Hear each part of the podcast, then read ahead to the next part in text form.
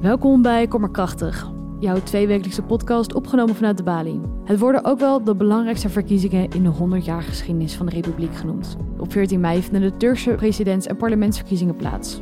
Mogelijk betekent dit het einde aan 20 jaar leiderschap van Erdogan. Wat staat er bij deze verkiezingen op het spel en hoe ga je als Turkse journalist te werk binnen dit mijnenveld? Mijn naam is Lindeen en eerst ga ik in gesprek met programmamaker Zara Toxis. Zara, om maar met de deur in huis te vallen, waarom vond je het belangrijk om dit programma te maken? Heel persoonlijk, omdat mijn vader uit Turkije komt, een groot deel van mijn familie, uh, veel van mijn vrienden komen er vandaan en veel familie woont er ook nog. En ook in het gebied wat in februari werd getroffen door de aardbeving. En daardoor ook veel dingen zijn kwijtgeraakt. Uh, vrienden zijn kwijtgeraakt, hun huis zijn kwijtgeraakt. En heel erg mee bezig zijn, uh, mijn familie, van wat gaat er, ja, hoe ziet onze toekomst eruit?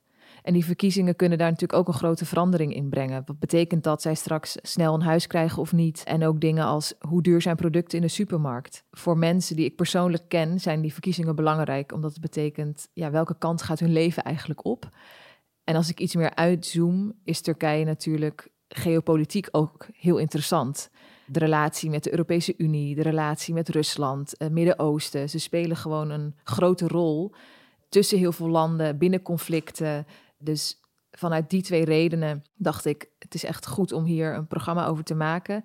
En wilde ik ook Banu Guven uitnodigen, een journalist die tien jaar lang politiek nieuws heeft gebracht aan miljoenen Turkse kijkers. Dus zij heeft jarenlang allerlei verschillende mensen die bij verschillende politieke partijen hoorden geïnterviewd over hun plannen. En ze is op een gegeven moment het land uitgegaan vanwege restricties op persvrijheid. En is in Duitsland eigenlijk verder gegaan met haar werk. En nu volgt ze vanuit daar de Turkse politiek. En zij is denk ik wel echt iemand die goed kan vertellen over het politieke landschap van Turkije. Ja, we gaan zo meteen ook naar haar luisteren. Maar er staat dus veel op het spel bij deze verkiezingen. Kun je mij vertellen welke partijen en welke personen op dit moment een hoofdrol spelen tijdens deze verkiezingen? Je hebt simpel gezegd twee blokken. Dus je hebt de groep die nu aan de macht is, de AKP, de partij van uh, president Erdogan, en de MHP, de nationalistische rechtse partij. En die twee vormen samen het overheidsblok. En dan van links tot en met rechts. Er zitten ook mensen bij die eerder nog Erdogan uh, steunden. Dat is een blok. En als je specifiek kijkt naar de presidentsverkiezingen, zijn er vier kandidaten die zich verkiesbaar hebben gesteld. Eentje is Erdogan, Eén staat aan het hoofd van, die, van het blok van zes oppositiepartijen. En de twee andere zijn twee losse kandidaten. Als je kijkt naar de peiling, is het echt een nek-aan-nek race. Verkiezingen zijn altijd aangrijpend. Maar bij deze verkiezingen lopen de spanningen extra hoog op. Ook bij de Turkse diaspora in Nederland. Hoe komt dat? Turkije is best wel verzuild. je luistert eigenlijk naar de nieuwskanalen die passen bij jouw denkbeelden. Je leest de kranten die in dat kader passen. Je gaat naar bijeenkomsten die daarbij passen. En ik denk dat de diaspora hier dat ook wel heeft meegenomen. Dus het hangt heel erg vanaf uit wat voor soort familie je komt. Uh, misschien meer uh, conservatief, dan kijk je naar bepaalde kanalen. Of misschien ben je meer progressief, dan kijk je ook naar bepaalde kanalen. En dat, dat mixt weinig. En dat zie je hier, denk ik, ook in Nederland. Dat die groepen niet echt mengen. En helemaal als je misschien jong bent, bezig bent met je identiteit. Misschien voel je je in Nederland wel eens buitengesloten. Of misschien voel je je gediscrimineerd. Dat je ook veel meer toetrekt naar die Turkse identiteit. En het ook heel erg je aantrekt als mensen daar iets over zeggen. Dus als mensen commentaar hebben over Turkije of over Erdogan, die jij dan misschien wel ziet als, als jouw leider. Dus die polarisatie, die voel je ook hier terug in Nederland. En dat kon je ook zien bij uh, de gevechten die uitbraken in de RAI in Amsterdam toen er gestemd werd. En toen er twee groepen eigenlijk tegenover elkaar kwamen te staan en begonnen te vechten met elkaar. Hoe kan het dan dat als Turkije zo gepolariseerd is, dat dan alsnog één man twintig jaar de leiding heeft over een land? Hele grote vraag is dat. Uh, Banu Güven zegt het ook wel mooi in het programma dat toen Erdogan aan de macht kwam, hij was eerst burgemeester, was hij super uitgesproken en hij durfde echt iets te zeggen tegen het overheersende seculiere gedachtegoed. En daardoor sprak hij heel erg een groep aan die ja, toch wel gemarginaliseerd was. Een conservatieve groep die behoorde meer tot de sociaal-economische lagere klasse, die zich eindelijk gehoord voelde door hem. En toen hij uiteindelijk premier werd, ook ja, op betere posities kwamen. Dus ook hun leven verbeterd zagen door hem. En dat kenmerkt ook wel die eerste tien jaar van zijn machtsperiode toch een economie die opklimt. Een land wat opbloeit, meer dialoog. Hij durfde te praten over de zogenoemde Koerdische kwestie. Eh, dus hij kreeg ook heel veel stemmen in het begin. En op een gegeven moment, na die tien jaar, eigenlijk met de start van de Gezi Park protesten in 2013. Dat ging over een bepaald stuk park wat weg moest omdat er een winkelcentrum zou komen. Daar ontstonden toen heel veel protesten die keihard werden neergeslagen. En die protesten waren ook een protest tegen het steeds autoritairder wordende regime. Dus de eerste tien jaar kenmerkte zich eigenlijk een beetje meer als bloei. En de tweede tien jaar van zijn machtsperiode zakte dat in. En zag je dat de overheid veel autoritairder werd, opponenten in de gevangenis kwamen. Uh, media, bijna 90% van de media is in handen van Erdogan en zakenmannen die dicht bij hem staan. Hij oefent invloed uit op de rechtspraak. Dus mensen voelen dat wel, ook dat die economie uh, inzakt, maar niet iedereen vindt dat dat door hem komt. En de mensen die dat niet vinden, die, die blijven wel achter hem staan uh, en de anderen niet. Dankjewel, Zara. We gaan nu luisteren naar journalist Banu Guven. Een gesprek gemodereerd door jou, Zara Toxis.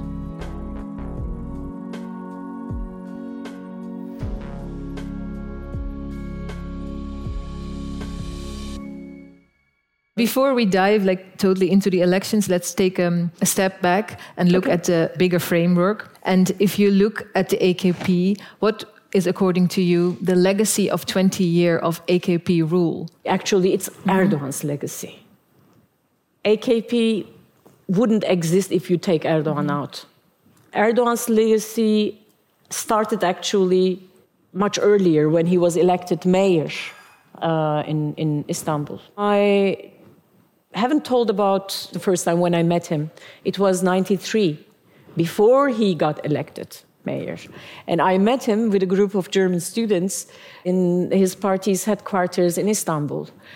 And he was so different. He was so ambitious, you know, he was so critical, he was so anti system, he was so openly critical of Kemalism and so on. I thought to my friends, you know, oh, I think he wants to become prime minister. And I was right. But that wasn't all. How could I know back then that he would change the the meaning of presidency? He would change the whole system and uh, make himself president here. Back then, he was already working on networking, I would say, in the segment of the population which felt disadvantaged in Turkey uh, politically, economically, because they go hand in hand, I believe. They didn't feel themselves and they weren't belonging to the political elite or economic elite in the country. He first gave these people this feeling of I matter and I will have a say in government. I mean, this guy in power is going to represent me. When he was elected mayor, and it wasn't only him, for his party, previous party, it was a huge success in Turkey. They got many, many districts. Uh, they won in many, many uh, cities.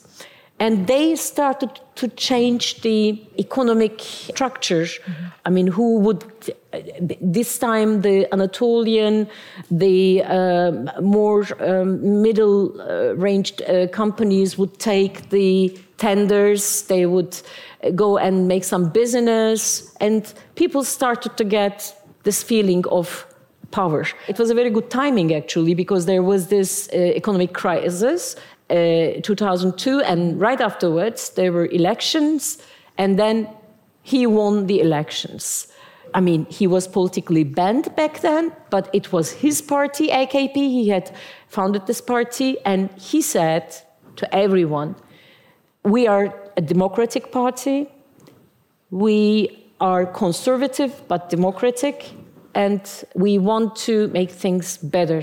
And also, some left liberals believed in him uh, for a while. For the first decade, people became wealthier. So you saw these conservative, uh, working class middle class and also the business people, the, the small uh, entrepreneurs or medium range entrepreneurs, a little bit in, in better positions. They were able to go to holidays, buy themselves mm-hmm. cars. Uh, because the, the, the uh, rates were uh, low. They still remember how Erdogan changed life for them. So they don't want to lose these advantages, but they have already lost it. I believe that the most important element now for Erdogan voters is the uh, narrative of a strong Turkey and a strong leader. You're afraid of him. And it's a bit like a Stockholm syndrome, maybe. I don't know. You're afraid of him, but you respect him. Mm-hmm. Is it respect or being afraid or he knows the best? You, so you don't have to think about anything because he's telling you what to do, how many kids you should have. Really, I'm not joking. You should have four kids.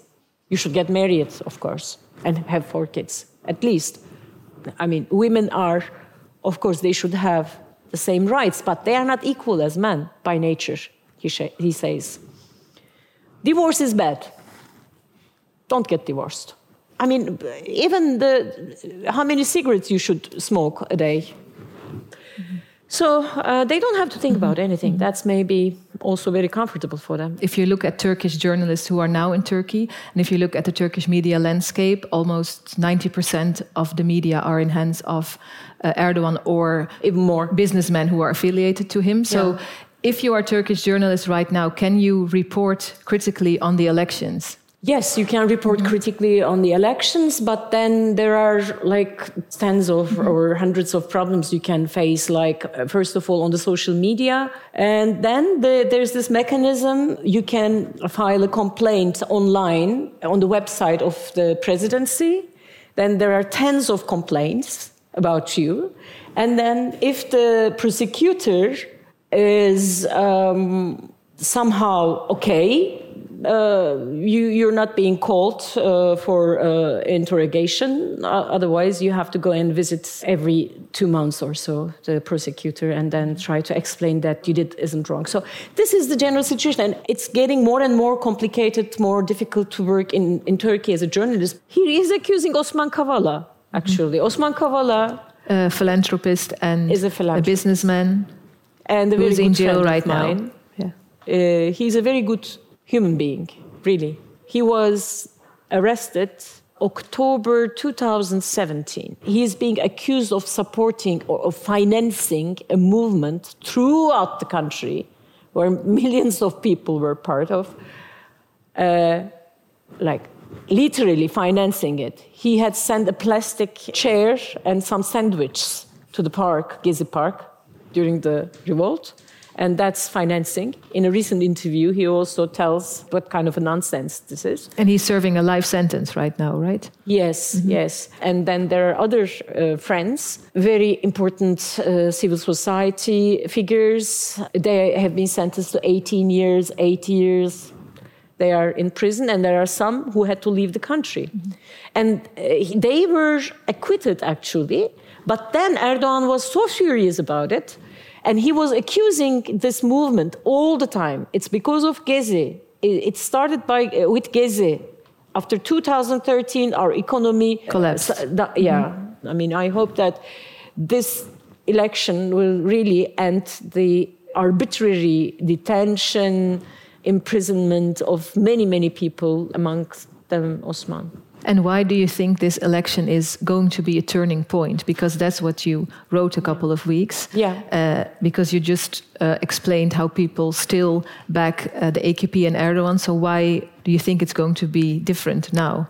Because we cannot stand it anymore. I mean, we cannot take it anymore. I mean, it's the democratic forces, also young voters, many of them in the country, they want to enjoy freedom finally you already talked about people uh, put on certain positions on the basis of loyalty and not yes. because of their capability, their experience, their, their knowledge. But if we're talking about the period after the election, if yeah. you're talking about how to, let's say the opposition wins, how to heal this country, but because it doesn't mean that the persons who are in certain positions in the judiciary, in the military, are immediately gone. There are a lot of people who are there. So it will be difficult to make things good again, but it's not impossible. What I mean is, Erdogan is the guy at the moment who also has the legislative power. He minimized the power of the parliament and he, through the system, the Turkish presidential system, he made it possible to govern a country uh, through presidential decrees in the force of law.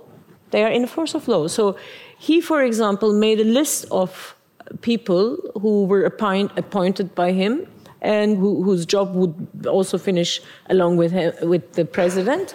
But then he made lots of uh, exceptions too. The chief of the intelligence is going to leave his job if Erdogan loses because he was appointed by Erdogan. But it's not the same for the uh, military, uh, for top positions. Uh, however, the military chief he will have to leave this year, so he's going to be changed. He's, this is a very important position still, and there are some other top positions. Kılıçdaroğlu, if he would be president, wouldn't be able to change without another decree.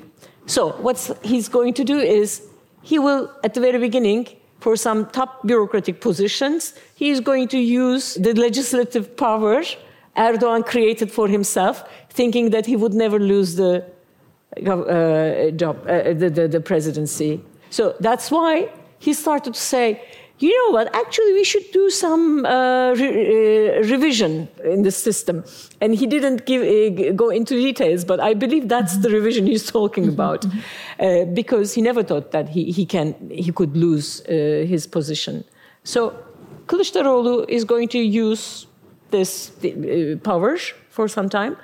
Uh, but it's not only about who will be elected as president, it's also about the majority in the parliament because the opposition wants to change the system again back to the parliamentary one, but a better parliamentary one. For this, you really need at least 360 uh, voters, yeah. Seat, uh, yeah, I'm sorry, seats in the parliament. And this the main opposition alliance could only reach this majority along with the leftist alliance. I believe together they may have, they may manage to get a little bit more than 360 seats. So there could be a constitutional change, right? We should concentrate on the next coming two years because if there will be a constitutional change for a better parliamentary system, in two years we are going to have elections again. And these two years are very important. Kılıçdaroğlu and his allies are going to get some foreign investment within these two years. Mm-hmm. Turkish lira will, I hope, uh, improve as well. If the economy will be better in the coming two years, then there's a good chance that this opposition can win elections again. If not, if they cannot control this instrument called state, which was instrumentalized and politicized by Erdogan, if they cannot control it, if they cannot make it work properly uh, and find some solutions, then in two years, who knows, maybe Erdogan, who would lose now, Makes a could win again. Mm-hmm give her one round of applause again. Banu Güven. Thank you very much. Thank you. Wil jij nou live bij een van onze programma's zijn? Volg ons op de socials en houd onze website in de gaten voor nieuwe data.